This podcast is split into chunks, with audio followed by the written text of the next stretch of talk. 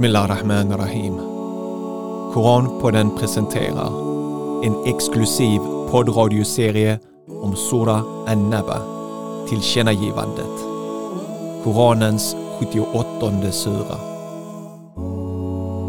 Med personliga reflektioner, vers för vers, av mig, Salih Tufekcioglu och Salim Nayar. Du lyssnar på avsnitt 1.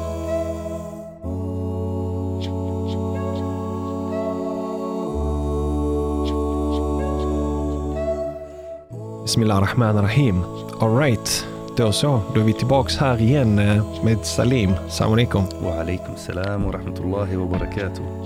Och nu har vi bestämt oss äntligen att köra det här systematiskt. Så vi börjar med Koranens 30 del.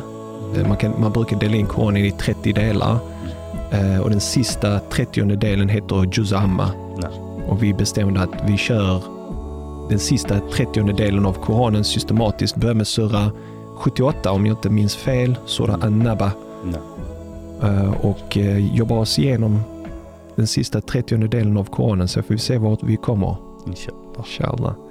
Eh, Jag gjorde ju en enkätundersökning nu när vi avrundar 2022 och många som svarade på den enkäten uppskattade de här avsnitten där vi går igenom Koranen, pratar om den, reflekterar över den. Och ehm, jag instämmer. Eh, jag brukar alltid lämna de här mötena eller sittningarna om man vill kalla det så med en upplyft själ eh, och eh, väldigt inspirerad. Så ehm, ska vi, vi tänkte då gå igenom tio verser idag och tio nästa och, det är 40 verser som den här suran omfattas av. Ska vi prata lite grann om det här med tio verser? Inshallah. Bismillah ar-Rahman ar-Rahim wa salatu wa salam ala ashraf al-mursalin Sayyidina Muhammadin wa ala alihi wa sahbihi ajma'in. Assalamu alaikum wa rahmatullahi wa barakatuh kära lyssnare. Eh, det känns lite så här att eh, man vet att de kommer att lyssna på det här. Så man vill Mm. ha dem, alltså våra muslimska syskon och även icke-muslimer som lyssnar på det här. Så man känner att de finns här trots att de inte finns. Ja, ja, precis. De har, inte ens, de har inte ens börjat redigera eh, inspelningen. Mm. Men eh, alhamdulillah för den här tekniken som gör att vi kan nå till eh, så många som möjligt med det Mm. fina budskapet av Koran. Det bästa som man kan studera och det bästa man kan lära sig. Och det bästa man kan ge till sina barn och sin omgivning och till det samhället man lever i. Ja, subhanallah, när eh, igår jag fick sms av dig att eh, vi ska gå igenom de tio första. Mm. Och så eh, jag lyssnar på Sheikh Said al-Kamalis serie om Tafsir al-Muwatta. Och just i det avsnittet som jag lyssnade på igår så handlade det om vikten av att studera Koran lite i taget. Och det var den berättelse om eh, Abdullah ibn Omar som eh, det tog honom åtta år. Det här Imam Malik berättar att Mm. han hörde eh, Balaghani, alltså det har kommit fram till mig att eh, Omar, eh, Abdullah ibn Omar, det tog honom åtta år för att eh, memorisera eh, Surat mm. al-Baqarah. Mm. Och eh, Eh, Koranen är på arabiska och på, den, eh, på det språket de talar. Så det borde inte ta så lång tid egentligen för en eh, som Abdullah ibn Omar som ber nattbön och repeterar Koran varje dag. Men eh, förklaringen bakom detta är att eh, Sahaba de vill inte lära sig mer än vad de kan praktisera i Koranen. Och det finns en hadith um, Abdullah ibn Mas'ud han berättade att vi satt med profeten sallallahu alaihi wasallam eh, och vi lärde oss tio verser i tag. Och i de här tio verserna så försöker de att få in det som är halal, det som är haram, det som ska praktiseras. Och de lägger det i praktiken, Mm. sen går de till nästa tio verser. Så man tar inte mer än vad man klarar av att praktisera. Och det är väldigt eh, roligt att, att höra att i den tiden, eh, Omar radiallahu han, han hörde att i Bagdad det finns några som har lärt sig Koranen utan till. Så han sa till emiren av Bagdad, ge dem presenter. Så året efter kom eh, samma eh, emir över den här eh, delen av eh, Muslimska riket. Han sa det är 700 stycken som har lärt sig hela Koranen utan till. Mm. Omar blev eh, väldigt rädd. Han sa nej, det finns inga belöningar till den som memoriserar Koranen. Jag är rädd att man lär sig utan till men man förstår inte innebörden och man Mm. jobbar inte efter det. Att han uppmuntrar eh, det här sättet att lära sig Koranen. Och, eh, och inom eh, Maliki Madhab och de tidigare så pratar de mycket om att det är stor innovation det här att gå före i eh, memorisering Mm. än vad man går med förståelse. Och eh, det finns en eh, känd sahabi som berättade att vi har fått iman först, sen har vi fått Koranen. Eh, och nu rädslan är att man får Koranen, sen söker man efter iman. Mm. Och här kan man gå in och kolla lite på eh, pedagogiken bakom eh, våra koranskolor i Sverige och runt om i världen. Eh, nu är det bara tävlingar så mycket, hur mycket man ska memorisera Och hur vackert man kan recitera och det. hur vackert man kan recitera det. Och eh, vikten, jättemycket vikt vid att tajwid, att det ska vara riktigt rätt uttalande och allting. Men vi har lämnat eh, eh, det andra, förståelse, som är, som är oerhört viktig i islam och hur det påverkar oss och fostrar oss.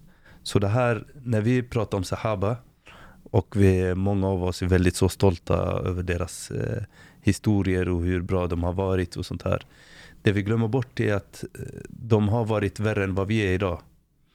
Men den här eh, eh fostring som har skett genom Koranen, tio verser och sen man praktiserar det, man ändrar egenskaper, man rensar sin själ.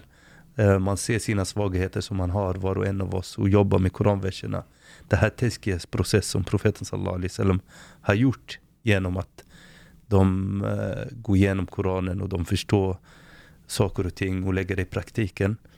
Det är det som har gjort dem till de människor de är. Mm. Från den tungaste jahiliya där man verkligen eh, drack sig full varje kväll. Där man eh, misshandlade sina fruar, man köpte kvinnor, man hade inte riktig fru. Man begravde sina barn, sina döttrar levande. En eh, usel livsstil till att bli de civiliserade människor som har, som har verkligen byggt en av de största civilisationer från Indien till Spanien och Andalusien. Så, eh, och det är det här bearbetning som vi saknar idag. Med detta, bara för att avsluta eh, den här introduktionen, så säger vi inte att det är dåligt att memorisera, sig, memorisera Koranen och att lära sig eh, eh, tajwid. Det är otroligt viktigt att läsa Koranen rätt och memorisera den. Men vi ska inte försumma förståelsen. Mm. Den är, den är, det, det är det som är primärt i koranlärande. Mm. Jättefint. ehm, Och det är det som jag tänker också att jag hoppas att de här serierna inspirerar lyssnare att på egen hand eh, läsa Koranen, eh, begrunda den, läsa vad lärda har skrivit och reflekterat och ge Koranen den tid som den förtjänar. Förstår jag menar? Ibland man reciterar Koranen utan att reflektera över den. Och det är, Allah har gett dig ett rationellt sinne, han har gett dig ett hjärta, han har gett dig du vet, de här Mm. eh, sinnena och erfarenheten. Använd den för att begrunda Allahs budskap och få ut det finaste av den. Mm. Och det är det vi ska göra nu inshallah. Så att, Inshallah. eh, är vi redo att köra första versen? Eller? Ja, inshallah. All right. Så första versen lyder som följer. أعوذ بالله من الشيطان الرجيم بسم الله الرحمن الرحيم عم يتساءلون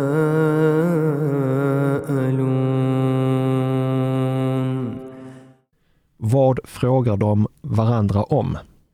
Jag tycker det är en intressant första vers. Vad, vad, vad frågar de varandra om? Alltså det är en, en retorisk fråga alla vet svaret, eller hur? Mm. Men han ställer ändå den frågan, vad är det för någonting de frågar varandra om? Och det är för att fånga intresset hos människor. Så att Allah, han skulle bara kunna köra igång utan att ha en retorisk fråga, utan att fånga vårt intresse, men han väljer att fånga vårt intresse. Och Den lärdomen som jag tar med mig av det här är till exempel i mitt arbete som lärare. Jag kan inte bara öppna dörren till klassrummet och börja undervisning utan att fånga deras intresse. Hur når jag mina ungdomar? Hur gör jag det intressant för dem? Och det, det är allt som vi gör, är att vi måste tänka på mottagaren, de som tar emot vårt budskap. Mina barn eller mina kollegor. Hur kan jag liksom, det budskap eller den information som jag ska förmedla, hur kan jag göra det på ett sätt som fångar deras intresse? Det är det som jag tar med mig härifrån.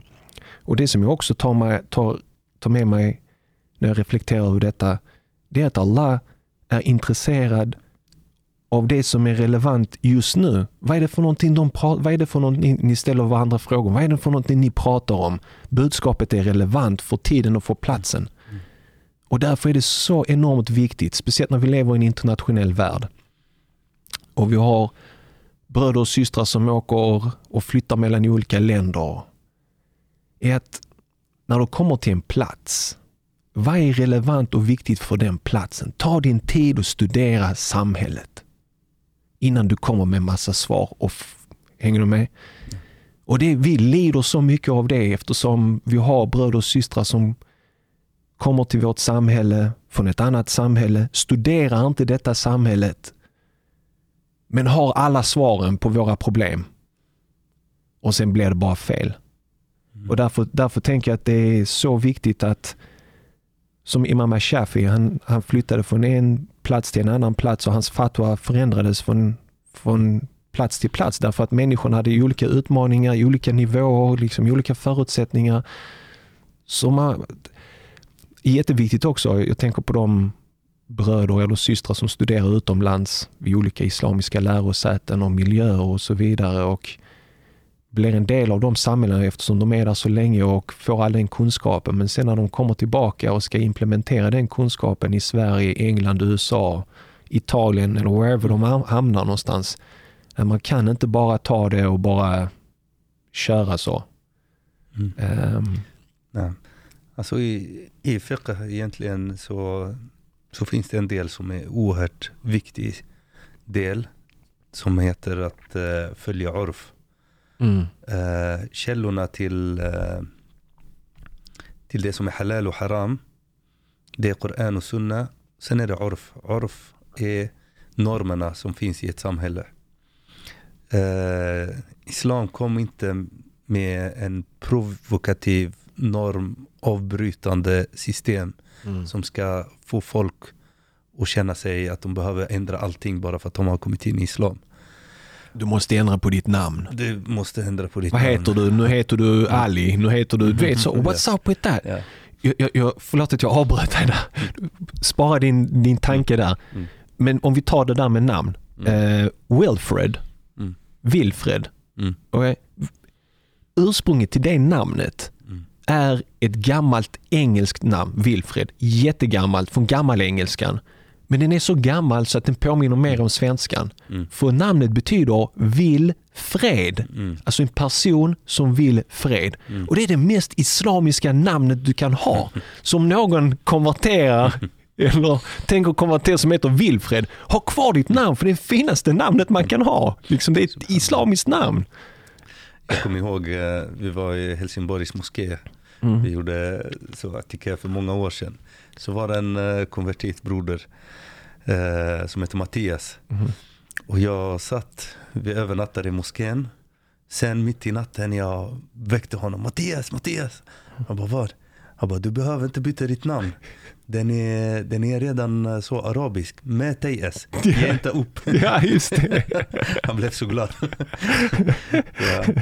Men, eh, ja, såklart. Alltså profeten sallallahu alaihi wasallam ändrade bara namn på de som hade en eh, Dålig klang. Dålig, dålig det var klang, någon som alltså. hette Harb. Harb eller Abd Krig. Ja. Ja. men det var, det var faktiskt eh, Ali radiallahu an. Mm. Han fick eh, Hassan och Hussein och Mohsen. Mm. Så varje gång Ali ville döpa sitt barn till Harb Ja, så profeten sallallahu Harb betyder krig. Ja. Så profeten sallallahu alaihi wasallam han sa nej, Hassan. Hassan det är typ godhet, God- är skönhet. skönhet Mm. ja. Sen El Hussein, sen Mm. Mohsen. Så Mm. allt har med, med Skönhet, godhet och skönhet att- göra. Villfred. Ja, men det fanns de som heter Abdu Shams till exempel, ja. alltså dyrkaren till Solen. solen. Och då har den profeten sallallahu alaihi wasallam eh, ändrat namn. Mm. Och där har vi gått in i namn så är det väldigt intressant att eh, nämna Omar radiallahu anhu. Det kom en eh, man till honom och sa min son är olydig mot mig. Mm. Eh, så profet eh, Omar radiallahu anhu blev väldigt så frustrerad och bara kalla på det här barnet som är aql walidain. Det betyder att han är olydig mot sina föräldrar. Mm. Så kom det här barnet och eh, Omar radiallahu anhu frågade honom varför är du olydig mot din pappa? Han sa, har inte barnen rättighet över eh, eh, sina föräldrar? Mm. Han sa ja. Han bara, vilka är de här rättigheterna? Han sa, ett, att eh, man måste välja rätt partner, rätt mamma. Mm. Eh, nummer två, att han ska ge dig ett fint namn som du kommer att vara stolt över. Och sen det tredje, att han ska lära dig Koranen. Han sa, min pappa har valt en, en mamma som inte eh, som, som inte har uppfostrat honom som det ska. Mm. Ingen bra mamma. Och han har eh, döpt mig till ins, ins, eh, insekt. Ja. Ja. Och han har inte lärt mig någonting. Mm. Så Omar radiallahu han blev arg på den här pappa. Han sa, du har varit eh, olydig mot honom innan han blir olydig mot dig. Mm. Eh, ja, så det här att välja ett, ett eh, bra namn till sina barn. Mm. Mm.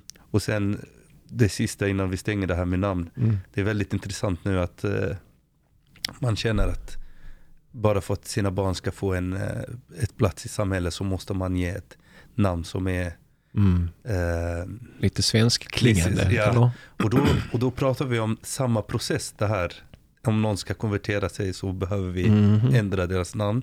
Men det finns så mycket tryck på muslimer också Mm. att vi känner att vi behöver ändra på våra barns namn för att de ska få jobb och de ska få lägenhet och så Det är vidare. lika stort problem. En lika stort problem. Mm. Och det är därför det är oerhört viktigt att vi redan där är tydliga med vår identitet. Och Mm. vår, det här är jag. Mm. Och en konvertit också. Det här är jag. Mitt namn är den den är. Mm. Alltså, vill man ha sen ett extra muslimskt namn, det är inget problem. Men det ska inte kännas som en eh, eh, påtryckning. Precis. Mm. Har du någonting mer att säga om första versen? Vad frågar de varandra om? Ja, alltså jag tycker det är väldigt fint att du tar upp det här med att ha förståelse till, eh, till det som händer i samhället. Och själva namnet på Sura, Mm. det är många som säger Surat Amma, men eh, för att vi säger Juz Amma, för Mm. att det är första ordet. Men egentligen det heter Surat Neba. Och Neba det är det här nyheten, Mm. det som eh, folk pratar om. Ja. Och Neba el-Azim, det är det som är nästa versen. Ska vi gå till, ska vi gå till nästa? Ja, ja. Som lyder som följer. عن النبأ العظيم Och de frågar om det viktiga tillkännagivandet. Eller den stora nyheten. Mm. Ja, och eh, det är det som människorna alltså diskuterar. Det är ja, det här, aktuellt. precis. Mm. De diskuterar och har olika åsikter om den stora nyheten eller tillkännagivandet. Mm. Och Allah kommer komma till vad det är. Men det, det är ju den Mm. domedagen eller att Ja. människorna ska återuppstå och stå till svars för sina handlingar. Nej. Men vad, vad tänker du kring vers 2? Jag, jag tänker subhanallah, det, om ett barn till, kommer till dig Salah och säger jag har eh, mycket pengar. Ja. eh, vad, vad tänker du då? Uh, han måste, ett barn Ja. har mycket pengar Mm. undrar var de har fått tag på de pengarna. Ja, men alltså om man jämför ett barn som kommer och säger jag har mycket pengar med Ja. en affärsman som säger att jag har mycket pengar. Mm. Allting är relativt. Mhm. Eh, kommer en affärsman som har mycket pengar så tänker vi att det är Miljoner. miljoner. Kommer ett barn så ser vi att det här är några hundralappar. Precis. Ja. Ibland, ibland när jag pratar med mina elever och de Mm. berättar hur mycket de tjänar så brukar jag hålla det för mig själv. De, vet, de är så, bro, jag tjänar jättemycket pengar på Donken och så, du vet. Mm. Hur mycket tjänar och så säger de siffran så bara, all right, det är inte så mycket men man vill inte förstöra deras dröm. Ja, liksom. Och här, eftersom ordet azim Mm. kommer från någon som är azim, alltså när Allah subhanahu wa ta'ala säger. Han är, en av hans namn är Adim. Mm. Det här Neba el Adim, den här nyheten som är stor. Mm. Som är, så Allah när han nämner att det här är någonting stort. Det här är något eh, extravagant, alltså Mm. riktigt eh, gigantiskt. Och Allah subhanahu wa ta'ala från hans syn säger att, detta det är här något stort. någonting stort. Mm. Så måste vi som muslimer verkligen öppna öronen och ögonen och tänka att det här är verkligen någonting stort. Mm. Och då är det det de pratar om. Och det de pratar om är domedagen som du säger. Mm. Och det är därför en muslim bör inte gå förbi verser som handlar om domedagen utan att verkligen känna att det här är någonting stort. Mm. Och, och versen som kommer efter det, som pratar om att de är oeniga över det här. Ska, vi, ska vi ta den Ja. innan du går Ja, in på den Jag inshallah? kommer tillbaka sen till vers nummer två. Ja, ja, ja. Vers nummer tre lyder الذي هم فيه مختلفون om vars innebörd meningarna går isär. De har ju olika åsikter om den Mm. här stora nyheten. Och, det, och, det, och det är någonting som, som tills idag, det är aktuellt. Exakt. Eh, Vad händer efter döden? Vad händer efter döden? Vi har inte fått en tydlig svar från den andra partner som, som förnekar Mm. eh, domedagen. Vi har inte en alternativ. Det är ingen, det finns, de är oeniga. De som tror på Gud vet att det finns en domedagen oavsett om man är muslim, kristen eller jude. Så, så tror vi att det finns domedagen. Mm. Men det är fortfarande nu eh, samma eh, oenighet som råder om frågan. Mm. Eh, att det, man vet inte vad som händer efter döden. Men en muslim, det här som är så vackert, bör, eller en människa överhuvudtaget med förnuft, bör lägga all sin kraft för att kunna förstå vad det är som händer och söka sig till att veta Mm. eh, det viktigaste. Vad är det som händer med mig efter döden? Just nu så finns det stor lotthet i den här frågan. Folk vill inte lägga energi på att veta vad som händer vid deras själ Mm. efter döden. Eh, vi lägger tid på allt annat för att förstå hur eh, eh, maskiner funkar, hur spel funkar, hur kryptovaluta funkar. Vi kan sitta timmar och kolla på video om, om olika konspirationsteorier och så vidare. Men att förstå vad det är som händer efter döden. Mm. För att man vill inte bli överraskad efter döden med någonting. Det är det, är det som är oändligt. Och de som kan lite mat- matematik vet att delar man vilken siffra som helst Mm. med den här liggande åtta, eh, oändlighet, infinity, Mm. så blir det noll. Så allt som har med det här dunja att göra, den är noll när du delar den med oändlighet, domedagen. Mm. Och det är därför i domedagen så kommer den rikaste människa eh, som har haft det så bra, han kommer och säger jag har inte fått någonting i denna dunja. Precis. Och den som har varit så fattig och har inte haft ett miserabelt liv, Mm. om han kommer om till paradiset, han kommer att sä- säga jag har aldrig upplevt någon eh, misär överhuvudtaget. Och det är därför jag fick en så fin fråga av eh, en broder efter föreläsningen eh, i eh, Rabita. Och jag fick samma fråga av mina barn. Om Allah är barmhärtig, varför finns det så mycket misär Mm. eh, på den här jorden? Och, ja, det, vi, det vi inte förstår att det här vi ser nu, det är, det är ingenting. Alltså, våra sjukdomar, fattigdom, hunger, allting. Det är saker som vi upplever jobbiga för att vi är så fokuserade i det världsliga. Mm. Bilal radiallahu anh satt, eh, kan lätt säga att öknen i Saudi, det är 70-80 grader. Mm. Han satt i, mitt i dagen med en stor sten på sig. och de piskade honom. Eh, och han satt där och säger ahaden ahad. Mer än sån misär kan inte... Ja. Sen när det har gått över, den där jobbiga eh, situationen han har hamnat i, så var han, hans själ mådde så bra, men kroppen mådde, mådde dåligt. Men det är själen som är det viktigaste. Mm. Så att vara förberedd för den dagen. Det är därför All- Allah säger till sig, varför frågar de? Det är så självklart. Mm. Det är så självklart att det här kommer att hända. Sök. Du som, du som lyssnar och du tycker inte att det är så självklart. Lägg tiden på att förstå. Sök olika alternativ och svar på vad det är som händer efter döden. Och försök att hitta vilken är mest logisk och vilken är närmast ditt hjärta. Du kommer hamna till slut, inshallah, om du tar en genuin och uppriktig process, hamna att det kommer att- finnas eh, någonting efter livet inshallah.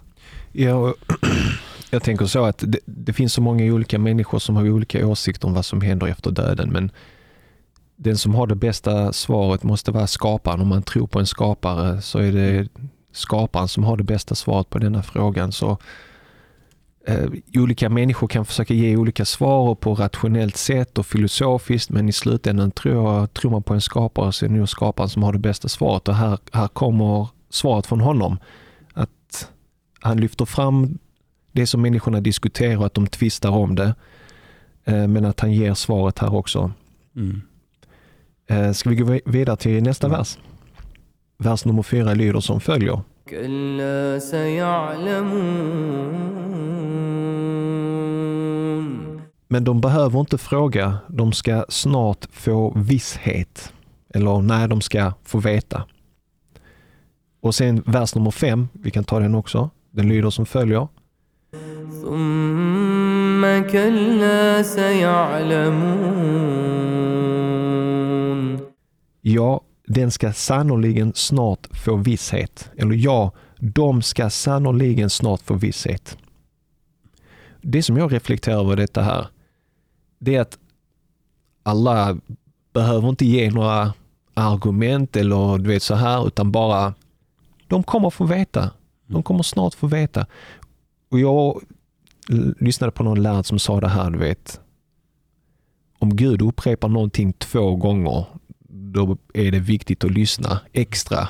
Eh, Så det är intressant att Gud säger de ska få visshet och- och upprepa det. Förvisso ska de få veta om det här. För alla människor kommer dö. Mm. Vi kommer alla lämna det här livet. Och det är den största och viktigaste frågan, vad som händer efter döden. Mm. Finns det en evighet, som du säger, då betyder det som vi lever idag, det kommer bara vara ett minne blott. Och e- i jämförelse med evigheten. Mm. Det, det går inte ens att jämföra. Men vi glömmer bort och det är därför, det är det som är Koranen, en påminnelse. Mm. Glöm inte den här stora nyheten att du kommer stå till svars för dina handlingar. Mm. Det du gör här på jorden i jämförelse med det eviga är, går inte att jämföra. Men konsekvenserna av ditt handlande kommer få en evig, Mm. ett evigt resultat. Mm.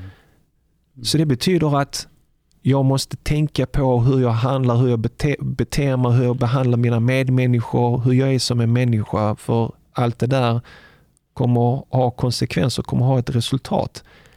Ehm, och jag, jag har svårt att se att, ehm, du vet, om man inte tror på en domedag, att man inte tror att man kommer bli dömd för sina handlingar. You know? Då, då tänker jag på liksom så här massmördare som mördar och kommer undan. Blir det samma resultat för dem som är människa som har levt? Vad jag menar? Då är Du det måste- svårt att tro på rättvisa överhuvudtaget. Ja, Om, om man inte tror att det finns en... eh, det, det, för mig, jag pratar utifrån mig. Jag vill inte bevisa eller överbevisa någon annan, men jag finner ro, jag finner en inre trygghet och frid när jag vet att Gud är rättvis i sitt dömande och han kommer döma alla rättvist. Liksom. Så man, man kan inte komma undan eller göra saker och ting. Du vet. Det är som, jag känner människor som är väldigt fromma du vet och de blir lurade och de säger men det, det är okej, det är ingen fara, det är lugnt liksom. Mm. Det finns en dag då det kommer att ske rättvisa. Ja. Och, och, det tar inte så hårt på Men det är, är det någon annan som inte har det perspektivet. Oh my god, Mm. nu gör den här människan så mot mig och de kommer undan och de, det är så här och de, de klarar inte av det, de blir så frustrerade. Mm. Men andra fromma människor, du vet, de blir illa behandlade men de är starka, de går vidare. För de har det här längre perspektivet. Ja, det är, det är ganska skönt att ha det perspektivet. Jag kommer ihåg eh, min fru hade en eh, lärare i universitetet som sa till henne, det är en sak som jag avundsjuk, eh, som jag är svartsjuk över, så de troende, och speciellt som muslimer, är att de kan lämna saker till eh, Gud. Ja, Att de vet att det kommer att komma eh, någon dag där rättvisan sker. mm. Att man kan bara lämna saker utan att känna att jag vill nu, nu förändra på det här. Mm. Och, det, och det är skönt. Jag, jag upplevde eh, för några år sedan så var det någon bloggare utan att nämna namn som har skrivit massa lögner om mig. Mm. Och, och jag var i en position där jag har mycket jobb, eh, eh, ja, Stress. stress och jag kan inte ens hantera, jag har inte de eh, förmågan att kunna svara henne och kunna Bemöta. ja, bemöta. Så, så har det lett till eh, problem med jobbet och sånt här. Och saker som hon har skrivit finns fortfarande på nätet. Mm. Ja, ja alltså känslan av att, eh, att det kommer komma en dag där jag kommer få min rättvisa. Att det här kommer, eh, att hon kan inte bara komma undan det. Mm.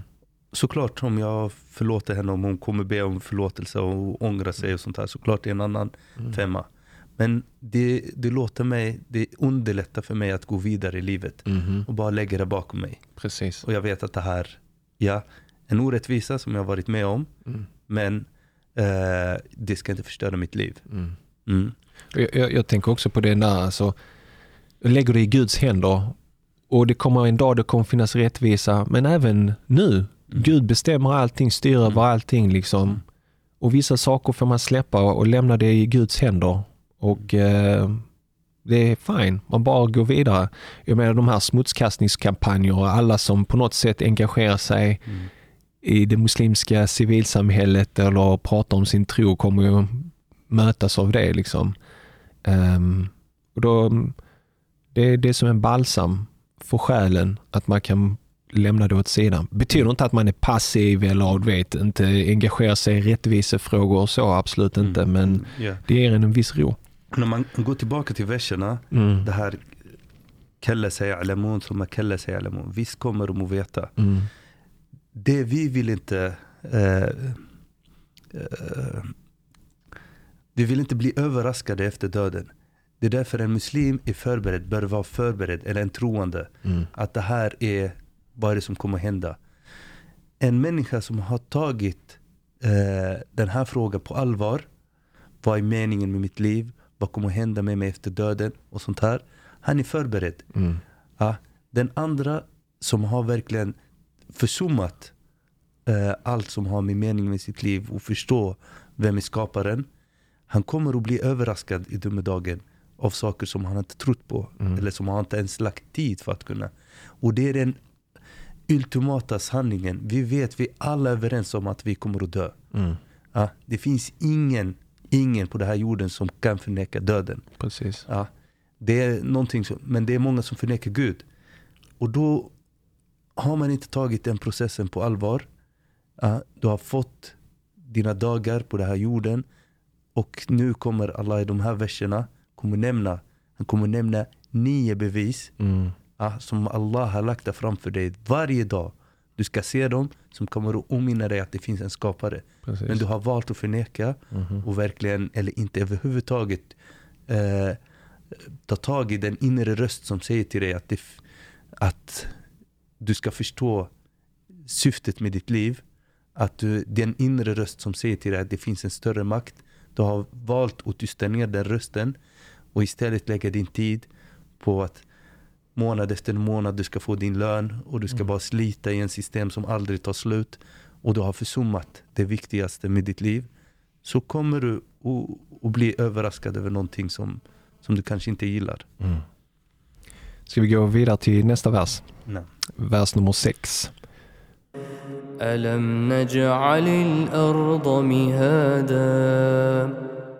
Har vi inte gjort jorden till en bädd? Över vilken ni kan resa ert tält för att få vila? Så jorden som en bädd. Eh, Och det som du säger nu är att Allah lämnar det här med eh, domedagen och går in på att visa sin skaparkraft och tar med oss på en fantastisk resa att få oss att reflektera över jorden och de olika fenomenen. Har du några tankar om det här, den här vers nummer Mm. sex med att jorden är en bädd? Ja. Alltså, Allah subhanahu wa ta'ala han verkligen eh, pratar om de som ser det här som nyhet. Mm. Och att de kommer att veta det. Och sen han säger, har jag inte, lagt- har jag inte, har jag inte gjort det här? Mm. Har du inte sett att du har eh, jorden så, den är, den är anpassad Mm. till din kroppsbyggnad för att du ska kunna färda dig runt. Ja. Och, och såklart, många eh, nämner det här att jorden är rund och sånt här. Att det är ett sätt som gör att människan kan eh, transportera sig. Om, och att det finns de här eh, olika, alltså att Allah subhanahu wa ta'ala har underlättat färden i hela jordklotet. Mm. Alltså via hav, via berg, via, att människan kan ta sig runt. Men det viktigaste, det bakomliggande budskap här är att har, har du inte sett det här? Mm. Du som inte tror att det finns en skapare. Har du inte vaknat varje morgon och sett att du är eh, färdbar på den här jorden? Att du ser det som Allah subhanahu wa ta'ala har skapat. Han ger nio sådana här saker som vi dagligen ser. Varje, varje dag vi öppnar våra ögon så ser vi att vi är på en jord Mm. Eh, som är anpassat för oss. Med olika landskap, mm. olika du vet, mm. skönheter och så vidare. Mm. Det är fantastiskt. Årstider, ja. Ska vi gå vidare till vers mm. nummer sju? För där har jag lite extra tankar. Vers sju lyder.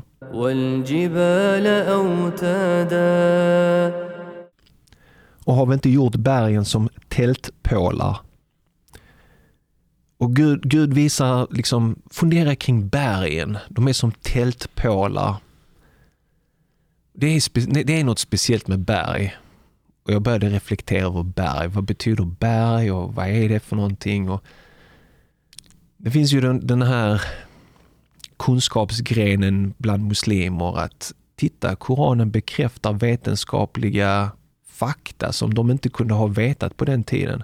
För om du tittar på berg, det, när du ser ett berg, det är bara toppen liksom. Det finns en rot som går djupt, djupt ner.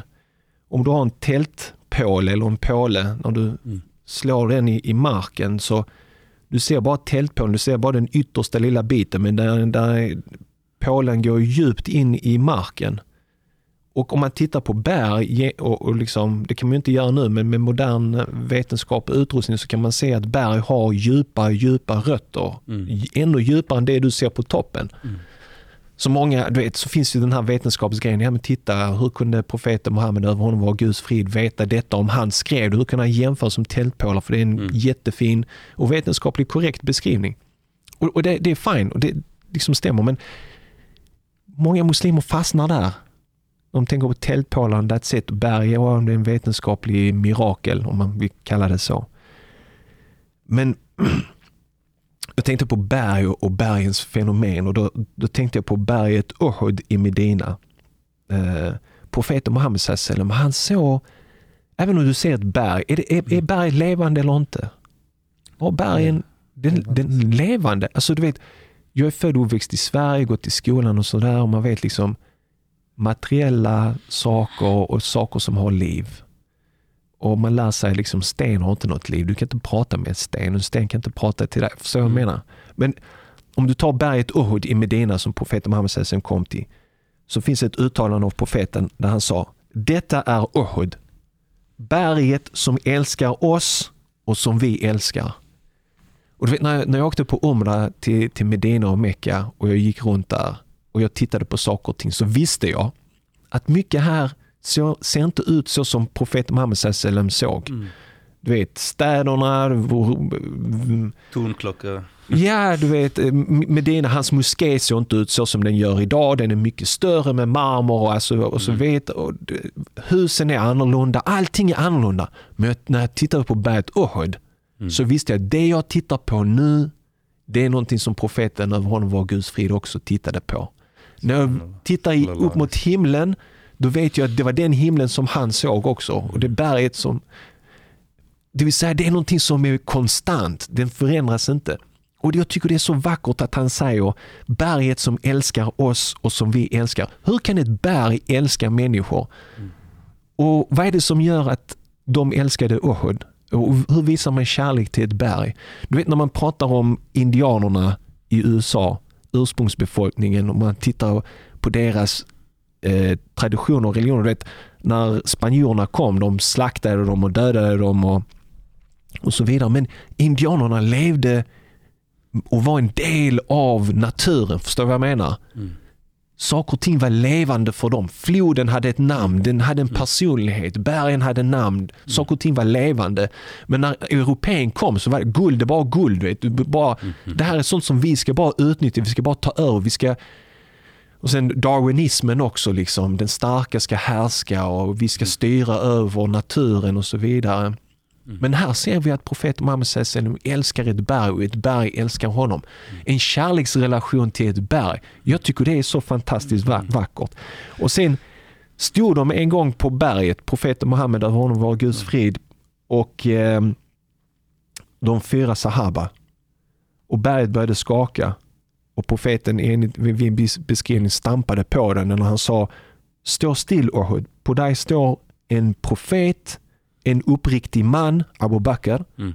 och två martyrer, Omar och Uthman. Så ju- just det här också, liksom att det är fyra personer, giganter i världshistorien och berget börjar skaka och profeten Mm. talar till berget. Mm. Stilla, för på dig står de här. Ehm, och också bergets symbol, profeten Muhammed vi har pratat om detta i ett tidigare avsnitt också. Innan han blev profet, han bruk- brukade gå till berget vid Mekka som idag kallas för Jabal al-Nur, ljusets berg. Och han klättrade det tog honom, alltså om man klättrar idag på det berget och ska ta sig till grottan Hira, Mm. där han mediterade och reflekterade över livet. Varför uppe på ett berg? Förstår du vad jag menar? Mm. Varför klä- Och han var där flera dagar ibland. Ibland kom han ner till staden bara för att hämta förnödenheter och sen gick han upp där igen och stannade lång tid. Och han klättrade inte bara på bergets fot utan om du ska försöka ta den promenaden, räkna med 40 minuter. Eh, halvtimme till 40 minuter beroende på det, din, din kropp och fysik. Så, men en ganska bra bit eh, för att klättra upp där. Och tittar vi på till exempel Musa eller Moses när han fick ta emot de tio budorden. Det gjorde han uppe på ett berg. Han lämnade sitt folk, eller hur? Mm. Gick upp 40 nätter som det står i gamla testamentet. Det finns också eh, en vers i Koranen om det i sura 2, sura Baqara. Sura Baqara. Den lyder så här.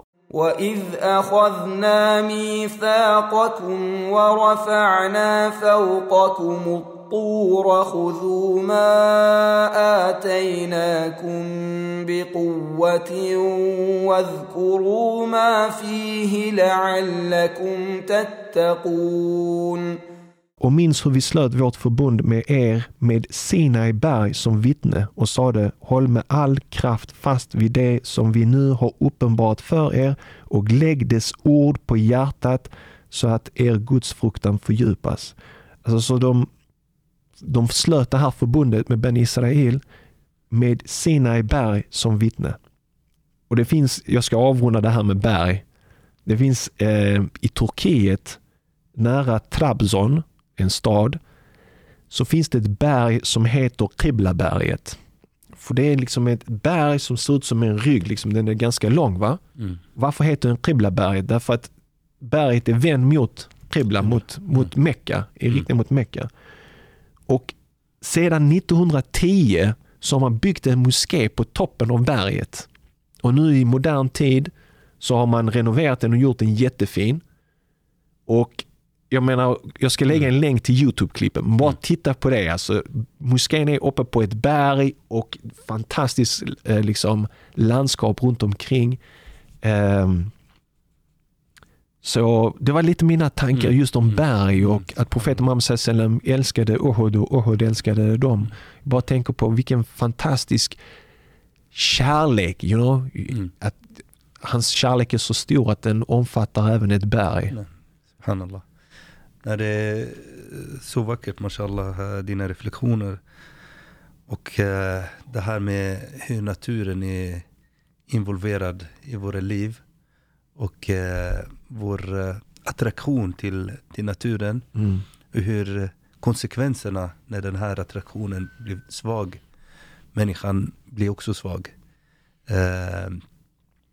Och det är därför subhanallah, du ser i Koranen det är så många verser som vi kopplar oss till, till naturen, att få komma tillbaka till det. Häromdagen jag blev väldigt, eh, subhanallah, jag satt och tänkte på just eh, muslimernas eh, relation till allt som är naturligt. Till, eh, eh, till konst, till hantverk, till, eh, till det vackra, till det sköna. Och, och vi, jag ser att vi har blivit påverkade som, som alla andra. Eh, det, är- det är en global syn eller livsstil som, som har spridit sig. Att man verkligen eh, är, tar hellre sina barn till Emporia här i Mhm. södra Sverige eller till eh, sån stora Shoppingcenter. shop- shoppingcenter.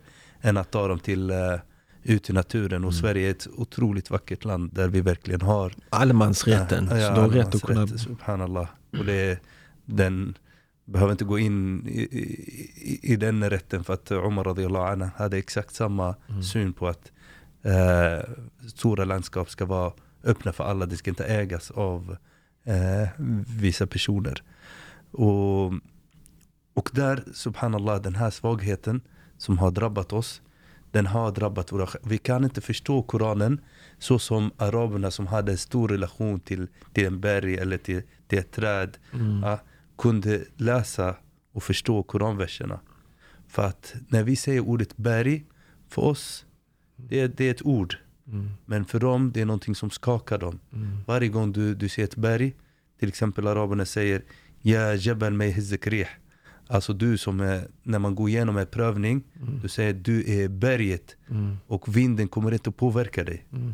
Ja, att eh, det, det är saker som man, som man har med sig i all sin kommunikation. Att man verkligen, berget för oss det är det här styrka, stabilitet. Mm. Och, och, det, och, och Ibn Khaldun pratar om eh, människor som blir uppvuxna i ett berg. Mm. De får också, de blir Karaktärsdragen. ta- kara- få samma karaktär. Och vi Mm. ser våra, mashallah, våra eh, syskon eh, från Kurdistan. Ja. Amanj brukar säga att vi inte nämner så mycket Kurdistan så vi får passa på. Och Allah subhanahu wa ta'ala underrätta deras eh, lidnad eller det de går igenom i vissa delar av Mm. den muslimska världen. Eh, och man ser hur stabila de är vissa, i, vissa, i haq, alltså när de verk, verkligen följer De står det som, fast vid sina... som- ja, Mm. folk som är eh, uppvuxna i berg, Jag tänker kända. på tjetjener också. Ja. Vet, eh, Habib eller Habib, eh, the fighter Ja. liksom, också från, från bergen. Liksom. Ja, och vi som är, ja, jag kommer från ö och de som är så nära kusten, eh, Ibn Khaldun pratar att Mm. de är väldigt eh, diplomater Mm. eftersom de tar emot alltid nya kulturer, nya, så de har lärt sig. De jobbar mycket med handel och sånt här. Mm. Så de, ja, diplomater är det fina ordet men eh, man kan också vara väldigt så hycklare att man kan verkligen ha flera ansikten och sånt här. Men man har lätt att göra med olika människor. Man har lätt att göra med olika människor och sånt här. Det här är så vackert för att vi, vi blir påverkade av vänner, vi får deras egenskaper, Mhm. men vi blir också påverkade av Och vår Mi- miljö, vår miljö. natur. Ja. Ja. Jag menar, du vet, jag är inte uppväxt vid, vid havet, jag är inte uppväxt vid, vid bergen, jag är uppväxt vid människokonstruerade saker och ting. Du vet. Mm. Upp, uppväxt i förorten med höghus och du vet, springa däremellan. Så, Ja. sånt påverkar oss också. Ja, och det är därför det är oerhört viktigt att ge liv till Mm. eh, Många kan tro att ordet konst betyder någonting haram. Mm. Alltså nej, verkligen inte. Alltså eh, känsla för skönhet och verkligen få den att blomstra, blomstra det kommer göra din tro starkare. Mm. Det finns ingen som kan förstå de här verserna. När Allah säger om, Jebe, om eh, Jensifuha Nesfa, alltså i domedagen kommer han och får dem, och, och, den bara försvinner. Mm. Det måste skaka ditt hjärta.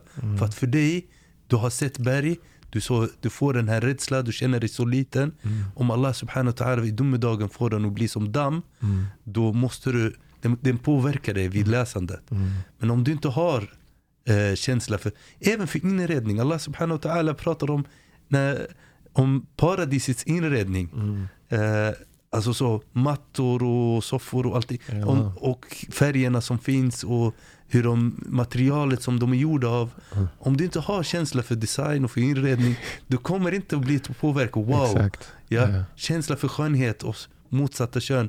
Alltså idag vi har blivit så, äh, kvinnor det, det är bara ja, saker som man verkligen visar i reklam och sånt här. Som Ja. ska, men Allah subhanahu wa ta'ala när han beskriver Mm. Hur och sånt här, det, det, det är känsla av skönhet. Det, det Ja. blir inte den här eh, sexualisering som vi verkligen bara, Mm. människorna har bara eh, fokuserat på det. det. Det blir mycket det annat. Känsla, Skönhet. ja. Jag håller med dig. Jag hittade en vers om, om berg. Det är kopplat till Koranen så jag måste bara ta det. Det är i Sura 59, vers 21. Den lyder så här. لو أنزلنا هذا القرآن على جبل لرأيته خاشعا متصدعا من خشية الله وتلك الأمثال نضربها للناس لعلهم يتفكرون Om vi hade uppenbarat denna Koran för ett berg skulle du helt säkert ha sett det rämna av fruktan för Gud. Sådana liknelser framställer vi för människorna för att stämma dem till eftertanke. Jag tycker det är en fin liknelse om många känner till den. Liksom, att om Koranen hade uppenbarats på ett berg så hade den bara liksom blivit till sanden och bara liksom Eh, och det finns ju olika förklaringar till det. Eh, men en, en tankeställare är ju, okej, n- när jag läser Koranen, hur rör den vid mig? Lyssnar jag bara på den och uppskattar dess skönhet eller förändrar den mitt liv? Eller jag bara lyssnar på Koranen och sen så lever jag mitt liv, den påverkar mig inte alls. Men när ett berg hade bara liksom förintats. Men den, an, den andra versen också som säger vi har lagt det här ansvaret Mm. att vara, ha ett ansvar över jorden, att vara jordens ställföreträdare Ja, till bland annat berget. Mm, Ja, och, de, och de vägrade ta det. mm, Ja, vi har lagt det här ansvaret till solen och månen och allting till berget. Mm. Och de vägrade ta det. Men människan har tagit det. Han Ja. är förmodligen en väldigt så orättvis mot sig själv. ja. Ja. Och det är därför, subhanallah, det finns ett otroligt vackert rubrik på en av de seminarium som vi har haft i Alhambra. Som heter, eh, du kanske kan klippa sen bror, eh, Grön Jihad. ja, just det. Ja, och det var bror Andreas, som Allah bevara honom, som eh, promotade det här begreppet. Ja. Ja.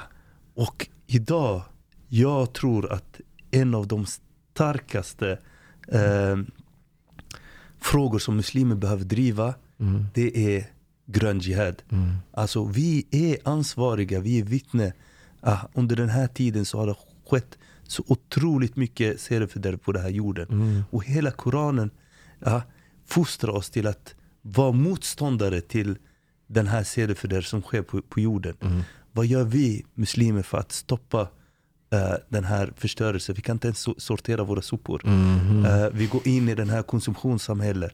Vi Precis. köper plast, vi tänker inte på vad är det som, som förstör. Ja. Jo, tänk om, om muslimerna har varit verkligen den motståndet till Mm. det här systemet som, som konsumerar nästa generations resurser. Precis. Det är det som är så fruktansvärt. Det är så egoistiskt Mm. att vi tar från våra barnbarns eh, resurser. Mm. Vi äter oss mätta och vi är överviktiga Mm. för att våra barn ska vara hungriga och svälter. Mm. Och jag, häromdagen, subhanallah, jag läste en hadith att en av domedagens tecken, jag blev så förvånad Mm. i det här eh, eh, semna på arabiska. Att det, är, det kommer sprida sig så att man är överviktig. Precis. Jag pratar inte om det, det finns de som har av ren sjukdomlig Ja. eller genetisk. Men den här överkonsumtion. Ja, och i. USA, vi vet att det finns de fattiga, det är de Det, som är- det är drabbas samhäll, av... samhällsfråga så att Mm. säga. Eh, folkhälsoproblem Mm. av att eh, skräpmat är jättebilligt. Man rör sig mindre och sådana här Mm. saker. Men jag håller med dig. Grön jihad det är, det är viktigt. Eh, och vi måste kanske återta begreppet jihad för att Mm. den har blivit Mm. feltolkad och missförstådd. Om man nu älskar Dune, vi hade ett samtal här på Koranpodden om Dune och författaren Frank Herbert som skrev den boken på 60-talet använde begreppet jihad i den boken. Mm. Inte som någonting negativt. Mm. Men nu när de släppte filmen så plockade de bort Mm. de här jihad-begreppen för att folk kommer missförstå. Så Mm. det, är- det är vårt ansvar att ta tillbaka det där begreppet. Ja, alltså ordet jihad är kopplade till 90 olika frågor. Äh, jihad betyder ansträngning. Mm. Och den är kopplad till mer än 90 frågor som en muslim bör driva. Mm. Jihad nafs är en av dem. Alltså att Det är verkligen den största. ja, ans anstränga sig. Och att, och det, vi förnekar inte att det finns en jihad för att ska stoppa uh, fienderätt att uh, ockupera oss och sånt här. Yeah. Det, men den är en del av en hel process som handlar om att verkligen anstränga sig till det goda och försöka verkligen uh, sprida uh, det goda på jorden och stoppa mm. sedefördärv. Ska vi vidare till nästa vers, mm. vers nummer åtta och den lyder som så här.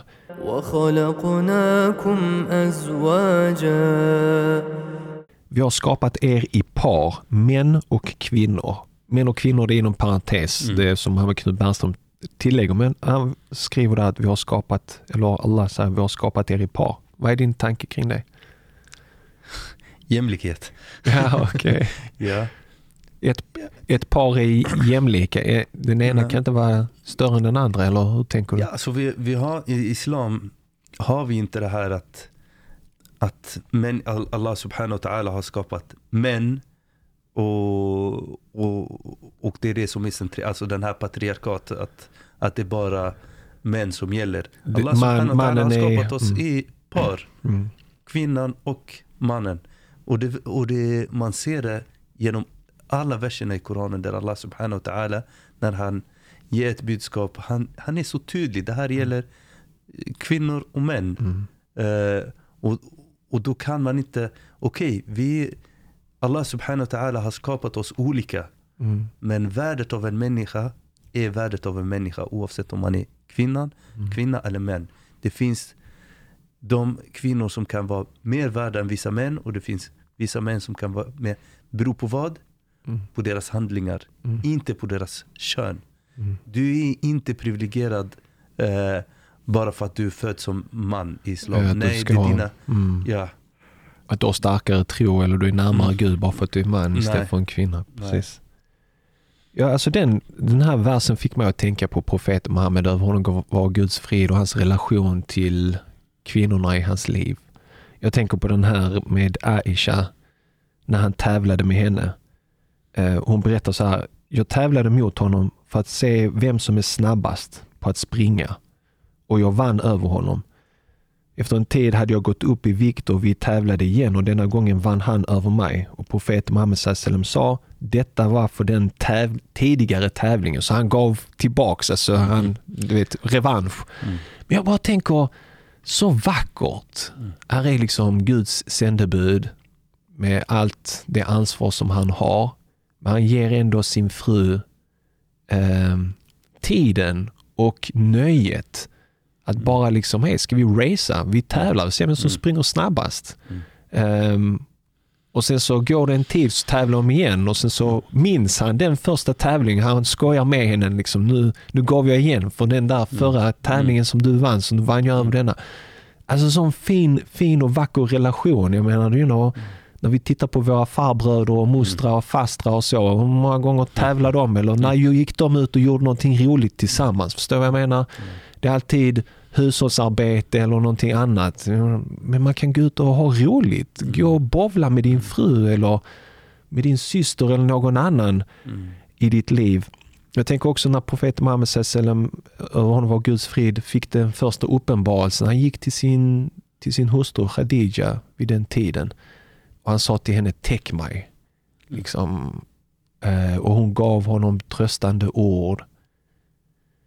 Sen i slutet av hans liv, sista stunden, så var han med Aisha i hennes famn och hade samtal med henne och han ville göra rent sina tänder och hon hade miswaken men den var väldigt hård och hon gjorde den blöt i sin mun så att han kunde göra rent sina tänder. Men han låg i hennes famn och det var där han lämnade Mm. det här livet, gick vidare till nästa liv.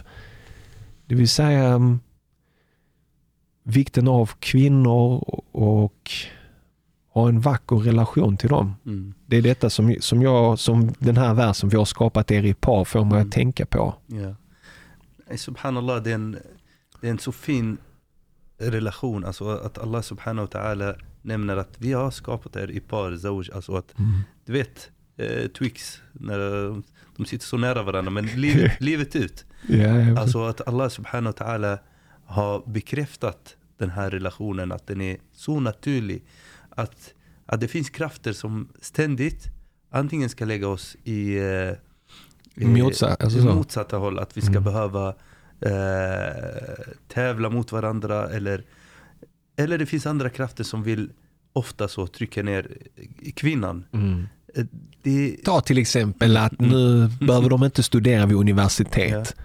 Männen kan studera där men kvinnorna behöver inte det. Vad, hallå, du, du, du driver ett samhälle som består av par. Mm. Ska ena halvan ha möjlighet att gå på universitetet och bli kloka människor, den andra som ska inte få den möjligheten, som ska driva samhället, som ska vara, ta hand om din familj, som ska uppfostra dina barn. Du nämnde den där andra, den här unge mannen som sa ja, men min pappa gifte sig med en kvinna som inte gav mig en bra uppfostran. Mm. Det är klart att du vill ha en mamma som har studerat på universitetet. Så när, du går på, när du studerar och du har svårt i skolan kan du vända dig till din mamma. Mamma kan du hjälpa mig med detta? Hon fattar vad du går igenom. Istället för att ha en mamma som, som inte har gått på universitet. Det är ett privilegium. Varför förhindra?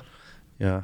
Nej men det, det, det är jättekonstigt. Och nu nämner vi så indirekt det som händer i, i Afghanistan. Men, Mm. men innan Afghanistan så har Frankrike drivit exakt samma fråga. Ja. Med, med andra ja. verktyg. Du kan att, inte förbjuda, Mm. ja, att förbjuda muslimska kvinnor att eh, studera universitet. Och eller de pratar om det i. Sverige också. Ja. Man ska inte kunna gå i skolan med slöja. Ja, och islam, subhanallah, alltså de största fyra lärda, eh, det jag är säker på i alla fall, det är Imam Shafi'i och Imam Ahmed och Imam Malik. De har studerat hos deras mammor hemma innan de började, Eller hur? ja, och det är de som drev, Drev, hela deras ja. utbildning. Exakt. Imam Ahmed, Ah. eh, hans pappa dog Mm. när han var liten. Imam Shafi'i, hans mamma tog honom och han sa, hon sa, lär dig från honom, Mm. eh, från den här sheikh, hans semet, hans, det betyder semet, det betyder hans, eh, hans etik och moral innan du lär dig kunskap. Det är ingen dum kvinna som kan eh, säga de här sakerna. Mm. Hon är själv så lärd för att kunna verkligen Sheikh Dedu som vi har idag som Mm. verkligen en av de största, största lärda. Han har innan han går ut till skolor och sånt här Mm. så han har eh, lärt sig av sin faster, sin moster, Mm. sin mamma som var själva så lärda. Och sen i ett samhälle om, de, om de, de här eh, farbröderna de vill inte att en man ska kolla på deras fruar Ja. när de ska gå till sjukhuset. Hur kan du få en eh, eh, muslimska läkare om du förbjuder dem att gå till universitet? Och, så, så Som det- kan ta hand om, ja alltså Ja. jag fattar inte det. Ja, men sen, sen såklart det här är väldigt så komplext. Att eh, det som sker i Afghanistan och sånt där och den eh, afghanska kvinnan Mm. har drabbats eh, inte bara av det här, alltså de har drabbats av hunger, våldtäkter och sånt där. Mm. Av så attacker som har skett från, från västvärlden. Ja. Och då, då har man inte tyckt synd eh, om den eh, afghanska kvinnan så mycket. Nej. Såklart det här används eh, Politiskt ja, syfte. Politisk, politiskt syfte. Och, och nu driver vi exakt samma process mot muslimska kvinnor här i Europa. Alltså när Mm. vi verkligen, ja, när hon- blir bespottad på på gatorna, när hon inte får jobb, när hon inte får utbilda sig. Ja. Ja, det här eh, dubbla bestraffningar. Och sen en man hemma som inte heller har eh, frisk kvinnosyn. Det blir en katastrof. Mm, mm. Vad ska vi ha av, ja, eh, vad ska vi ha för förväntningar på de här eh, kvinnorna? Stackars kvinnor, de Mm. blir liksom punchade från olika håll. Förstår vad jag menar? Ja. Folk som bara är Det- missnöjda. Men det är också en, ett av de stora tecken på att ett samhälle är inte frisk. Ja, Det är att kvinnorna blir förtryck, förtryckta. precis. Och barn. Mm, Och de svaga. Exakt. Och de handikappade. ja. Eller de som har någon funktionsnedsättning. Mm. Så fort vi ser att de här inte mår bra så vet vi att vårt samhälle Mm. inte mår bra. Mm. När muslimerna var i toppen så var kvinnorna som öppnade universiteten, Mm. universitet av uh, Al-Qarawiyyin i, eh, i eh, Marocko. Det är en eh, Fatima Mm. Al-Qarwa- eh, Al-Qarawaniya, det är hon som har öppnat Precis. den. Alltså det, Al-Azhar och sånt här, så det var, det var så uppenbart Mm. att kvinnan måste lära sig. I boken av Imam Ibn Sahnun så han pratar så tydligt i här kapitel vikten av att undervisa kvinnor, Mm. flickor. Så, men sen när vi blir ociviliserade så är de som drabbas först, det är kvinnor, Ja, det är precis. barn och det är de som har Kvinnorna ska inte komma till moskén, kvinnor ska inte vara här, de ska Mm. inte sitta i styrelsen, plocka Mm. bort alla kvinnor och sen så skjuter du dig själv i foten och sen så gråter du över att ungdomarna är ute och Mm. skjuter. Mm. Ja, men stärk kvinnornas roll och position. Det finns ingenting i islam som säger som rättfärdigar det. Mm. Men det är bara svaga män som är rädda för starka kvinnor. Det är, man, man, känner, man känner sig hotad av Mm. en intellektuell kvinna. Det är därför vill man inte Ja. att eh, kvinnor ska ja, utbilda sig. Sen lindar man in det i en- kanske Mm. några islamiska termer. Mm. I don't know. Ska vi gå vidare till nästa Yes. eller har du någonting mer? Mm, nej. Då tar jag de två sista verserna tillsammans. وجعلنا نومكم سباتا وجعلنا الليل لباسا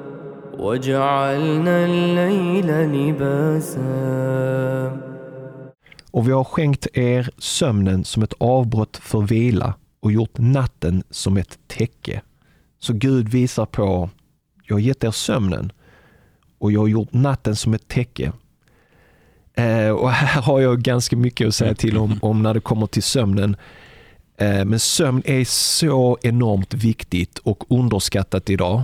Eh, man har gjort undersökningar som visar på att eh, unga sover mycket mindre än tidigare. Det finns en Malin Jakobsson som är skolsköterska som har gjort en forskning vid eh, Borås högskola där hon intervjuade eh, ungdomar.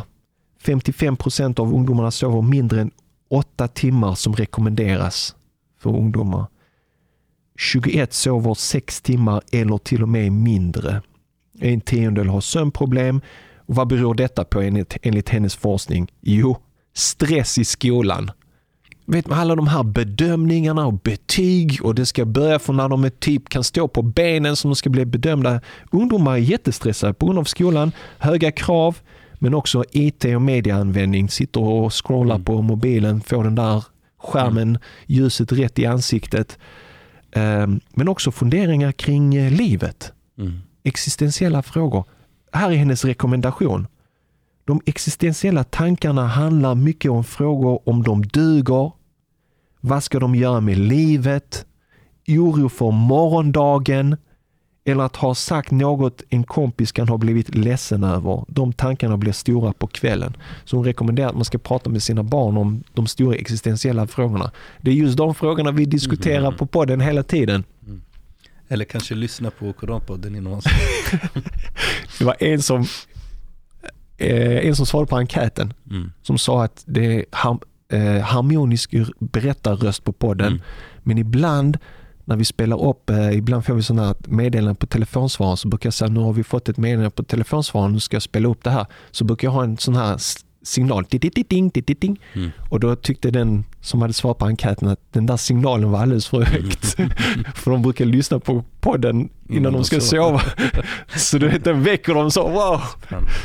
Men, men alltså det där med sömnen är otroligt viktigt och jag pratade med en annan bror som du vet, när man, blir, när man är så praktiserande muslim, det är så, ah, men du vet, du kan inte slösa din tid på att sova. I sova Mm. ska du göra i nästa liv. Där sover man inte heller. Och sova kan du göra i graven. Du ska Mm. bara jobba här. Och det är inte hälsosamt. Mm. För Allah han, han har skapat sömnen och du behöver sömn för att vila och återhämta dig. Och du behöver inte se sömnen som bortkastad tid. Mm. Utan du belönas för det till och med. Om du har rätt avsikt. Jag sover för att jag vill ha energi och att kunna göra ett bra jobb. Mm. Det belönas i så fall. Mm. Eh, eh, det finns en, eh, Men om jag uttalande. kan bara kommentera den här, Ja. subhanallah. Det är, det är en del av, må Allah skydda oss, av uh, arrogansen att tro att man inte behöver sömn. Mm. Och den tillhör endast Allah subhanahu wa ta'ala. Allah subhanahu wa ta'ala säger i Ayat al-Kursi, La sinatun. Han är inte behov av, eh, Just det. Av ja, vad är sin, alltså det här du vet. man- slummer eller, sömn. eller Ja, sömn. exakt. precis. Att det är endast Allah subhanahu wa ta'ala är inte behov av det.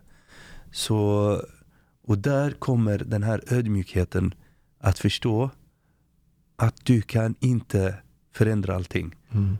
Alltså du gör inte det här för att du är en gud och du ska sprida ja, rättvisan och sånt där. Nej. Mm. Allah subhanahu wa ta'ala begränsar dig och det är därför i flera, flera verser Allah subhanahu wa ta'ala påminna profeten sallallahu alaihi wasallam att inte vara ledsen, att inte vara stressad, att inte vara bekymrad, Mm. att eh, ja, för att kunna också, och, en del av natten måste du sova. Allah sub- subhanahu wa ta'ala säger det till, till, och sömn subhanallah, det, det är som exakt så de, du säger. Yani. Man Mm. kan inte, det är det enda sättet för människan att återhämta sig. Precis. Ja. Alltså den minskar stress, Mm. den minskar risken för sjukdomar och samtidigt så hjälper den minnen att lagras och lyssna på detta och nya, ny kunskap och nya intryck bearbetas. Så du, du tror att du bara sömnen slösar in? Nej. Vet, det, och så, det är därför människor säger så här, du vet. Jag ska sova på saken. Mm. Förstår du vad jag menar? Mm. Det är ganska fint för att du får ny information men du fattar inte beslutet. Mm. Du ska sova på saken Mm. och sen komma tillbaka. Och jag, jag vet att du har en fin tradition. Eh, Jag försöker också införliva den lite då och då. Det är det som på arabiska kallas för qailula. Mm. Eh, Det är väldigt populär i eh, medelhavsområdet och så. Det är att man sover mitt på dagen. Eh, Vill du berätta lite grann om din qailula-tradition? Ja, det, är en, det är faktiskt mer en tradition, det är sunna. Ja, subhanallah, är det sant? Speciellt eh, efter Jumu'ah. Och det är subhanallah, alltså det, det är bevisat vetenskapligt. Vi har bror Hussein som verkligen har nischat sig i det här med sömn. Mm. Eh, och, och det finns inte bättre än att ta en, en sån här tupplur på, på dagen och få ny energi. Eh, och jag, jag tycker själv att får jag den där en kvart, en halvtimme under dagen bara så ah, slappna av och sova en stund och Mm. vakna så jag har jag mycket mer energi hela eftermiddag. Precis. Så ja, Jag, jag, jag försöker också göra det. det jag försöker undvika är att gå i djupsömn. mm, Du vet, eh, en kvart, tio minuter, det räcker. Mm, Bara mm. ligga ner. Och sen brukar jag lägga larm på klockan, så Ja. piper den och sen Ja. brukar jag lägga den på tyst med dig nu, jag vill bara Ja. vila lite till. Men alltså det som är intressant här Salah är att eh, hur de här sakerna är, eh, finns i våra kroppar som signaler. Sömn, kan du inte sova på natten så är det en signal. Kroppen, Allah Precis. subhanahu wa ta'ala har programmerat i dig att har du gått i överdrift i någonting, har du varit orättvis mot någon, har, kroppen säger till dig, nej sov inte. Måste åtgärda det här. Är du så, lägger du på dig mer än vad du klarar av och sånt här som din kropp säger till dig, nu, nu ska jag inte låta dig sova, bara tills du fixar det här. En, såklart, vi pratar om en, eh, en människa som har eh, eh, normalt tillstånd att han verkligen, eh, hans signaler funge- fungerar som de ska. Ja, och, då, och då pratar vi om sömn, eh, så stress, alla de här sakerna. Då säger det till dig stopp. Nu Salah eller Salim är det stopp. Du måste eh, trappa ner. Du måste vara rättvis mot de folk som är... Och det, och det är det sömnen ger till dig. Mm. Det är verkligen en sån balans. Sömnen säger till dig nu har du gått för långt. Mm. Ja. Och då kan du inte sova eller sånt här. Ja. Precis, och det som hon var inne på lite grann här också, den här forskaren, var ju att psykisk ohälsa, att den är så utbredd bland unga och bland människor. Svaret på den delvis är ju också att vi, vi har för lite sömn. Mm. För om vi sover ordentligt så, så hjälper det att reparera en del. Mm. Mm. Sen är det kanske inte hela svaret på allting. Liksom. Men det är kvalitet på sömnen också som gäller. Det, det var så vackert, eh, Omar ibn al-Khattab, han, eh, när han var khalifa, Mm. det känns att i den här avsnitt vi har refererat mycket till Omar, Ja. anhu. eh, så han, så kom kungen av Persien, Mm. skulle besöka Medina. Just det. Ja, så såg han att, eh, nej det var av romarriket tror jag. Eh, så såg han, han, frågade efter Khalifa. Så, så de sa det är han som ligger där under, eh, under trädet och gör qailule. Ja. Så subhanallah, han blev väldigt förvånad att han är klädd som alla andra människor och att han sover mitt i dagen. Alltså så. Ja. Så han sa den här kända Adilte eh, Fenimte. Alltså du, du har varit rättvis, du har härskat och du har varit rättvis så hade du kunnat sova. Mm. Ja. För ja, någon som har ett dåligt samvete eller så, han kan inte blunda. Precis. Vi vet att det är många som Sover dåligt. på sover grund- dåligt på grund av deras Handlingar. synder och handlingar och sånt här. Eh, Vi kan kanske också prata lite grann om sunnan eller det som rekommenderas när man ska sova. Att innan man sover så är det bra om man gör wudu, Mm. eh, tvagning, att man läser ayat al-kursi, Mm. eh, vers eh, 255 i andra kapitlet i Koranen. Och också att eh, sömnen omtalas som den lilla döden. Mm. Det vill säga när du sover så är det en form av död, inte exakt men kroppen är där men själen är någon Mm. annanstans. Mm. Det är ett mysterium som vi inte riktigt känner till. Ehm, men, men, men vissa själar kommer tillbaka och vissa Mm. behåller alla. Så jag menar när, när du går in i sömnen, du vet inte om du kommer tillbaka. Mm. Vissa människor dör i sömnen. Så det är Mm. jätteviktigt och också att se det där att Gud tog min själ och nu kommer den tillbaka igen när jag vaknar. Det är en ny möjlighet, en ny dag Mm. som jag bör ta tillvara och göra det bästa av. Ja. Men eh, subhanallah, jag, vi behöver också konvertera vissa saker som vi gör till egentligen eh, gör dem så islamiskt istället med rätt avsikt. Borsta tänderna, det är också sunna innan Ja. man sover. Ja, och det är suak eller borsta tänderna. Eh, att bädda, profeten Precis. sallallahu alaihi wasallam, han brukar fixa sin plats innan han Mm. sover. Att man tar sitt täcke och att man tar bort eh, med sin hand allt som Mm. är, ja, att bädda med våra Mm. dagens vokabulär. Att lägga sig så på högersidan, eh, det är också Mm. bevisat också att det är det bästa sättet att lägga sig på. Och sen eh, gör den här istighfar. Att man verkligen, det är en, varje muslim bör innan han sover så här gå igenom dagen. Alltså vad är det som jag har gjort rätt och vad är det som jag har gjort fel. Och sen gör den här istighfar. Eh, Subhanak Allahumma bihamdik nashadu an la ilaha illa ant nastaghfiruka wa natubu ilaik. Det finns Seid al-Istighfar också, den bästa av istighfar man kan göra. Alla de här finns i, eh, i de här duaböcker eh, som säljs lite överallt. Så att avsluta sin dag med att ominna Allah subhanahu wa ta'ala gör istighfar. Avrunda dagen liksom på ett Ja. medvetet och fint sätt så inte Ja. man som vissa nätter bara kraschar Mm. in i sängen och Ja. i soffan eller om man nu hamnar någonstans. Har man, har man svårt att sova Mm. trots allt detta, alltså jag rekommenderar att du tar hjälp av uh, shaitan och får dig sova. Mm. Det låter lite konstigt. så fort shaitan ser att du gör någonting bra Ja. så kommer han och försöker hjälpa dig. Just det. Så du blir bara- trött och så. så, ja. jag, jag, jag själv, jag tror att det här är lite så, eh, man Ja. är lite så personligt. Alltså, det, det beror på från en person till någon annan. Mm. Men gör man dhikr Mm. så en medveten dhikr, subhanallah, subhanallah, alhamdulillah. Och så när man säger alhamdulillah så tänker man på alla gåvor man har. Så också man hindrar sina tankar att gå till saker som får dig att vara vaken. Mm. Eh, om det är jobb eller annat eller vad du har gått igenom. Att du fokuserar bara på och jag tror att shaitan hjälper dig att du ska sova. Allahu alam. Men, eh, men bara säg subhanallah, subhanallah, subhanallah. Och Mm. ha det så. Verkligen med, med fokus. Så kommer du bara slappna av och, Mm. och sova. Och tro inte att det är ett sånt mirakel som bara händer efter en natt. Mm. Utan det är viktigt att man får in det till en vana, att man gör det om och om igen. Mm. Ja. En annan sömnpiller är att man läser en bok eller någonting Ja, sånt. ja. Jag blir också, det, det. det bästa är att inte ha m- mobiltelefon i Ja, den, den men, är eh, farlig. Ja, Den ska inte ens vara i sovrummet, Ja. alltså inte, inte ens eh, ligga bredvid eh, eh, Ja. sängen.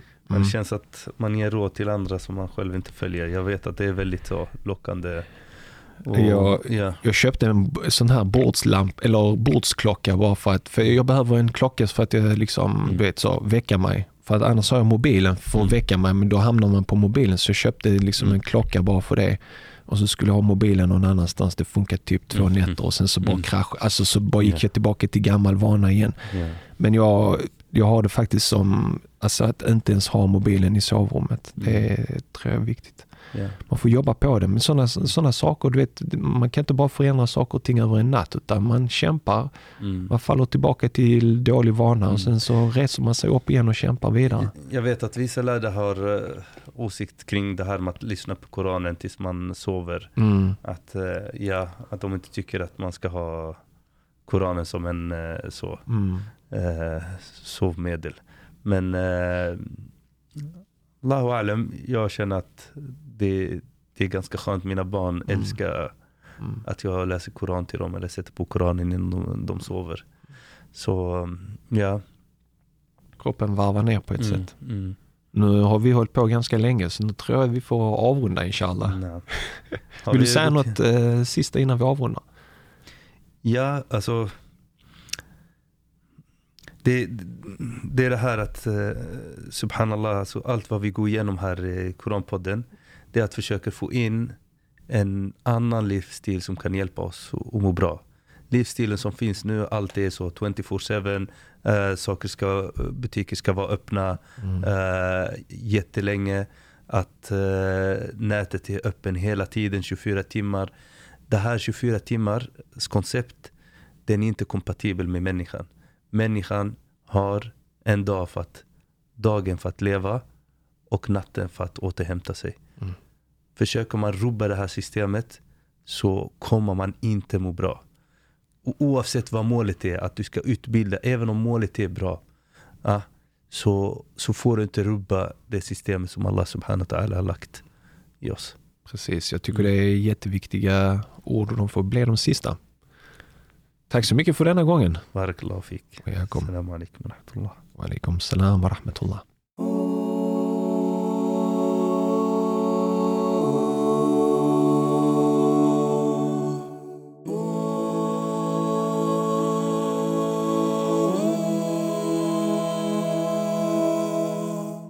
Du har lyssnat på första avsnittet i vår nya poddradioserie om Sura An-Naba.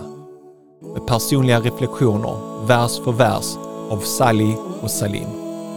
Sura An-Naba, tillkännagivandet, är Koranens 78 sura, var i vi får ta del av budskapet om människans liv efter den fysiska döden, det vill säga uppståndelsen, och Guds yttersta dom. Nästa vecka fortsätter serien. Eventuella frågor, kommentarer eller funderingar över seriens innehåll tas emot via mail. Maila till hejkoranpodden.se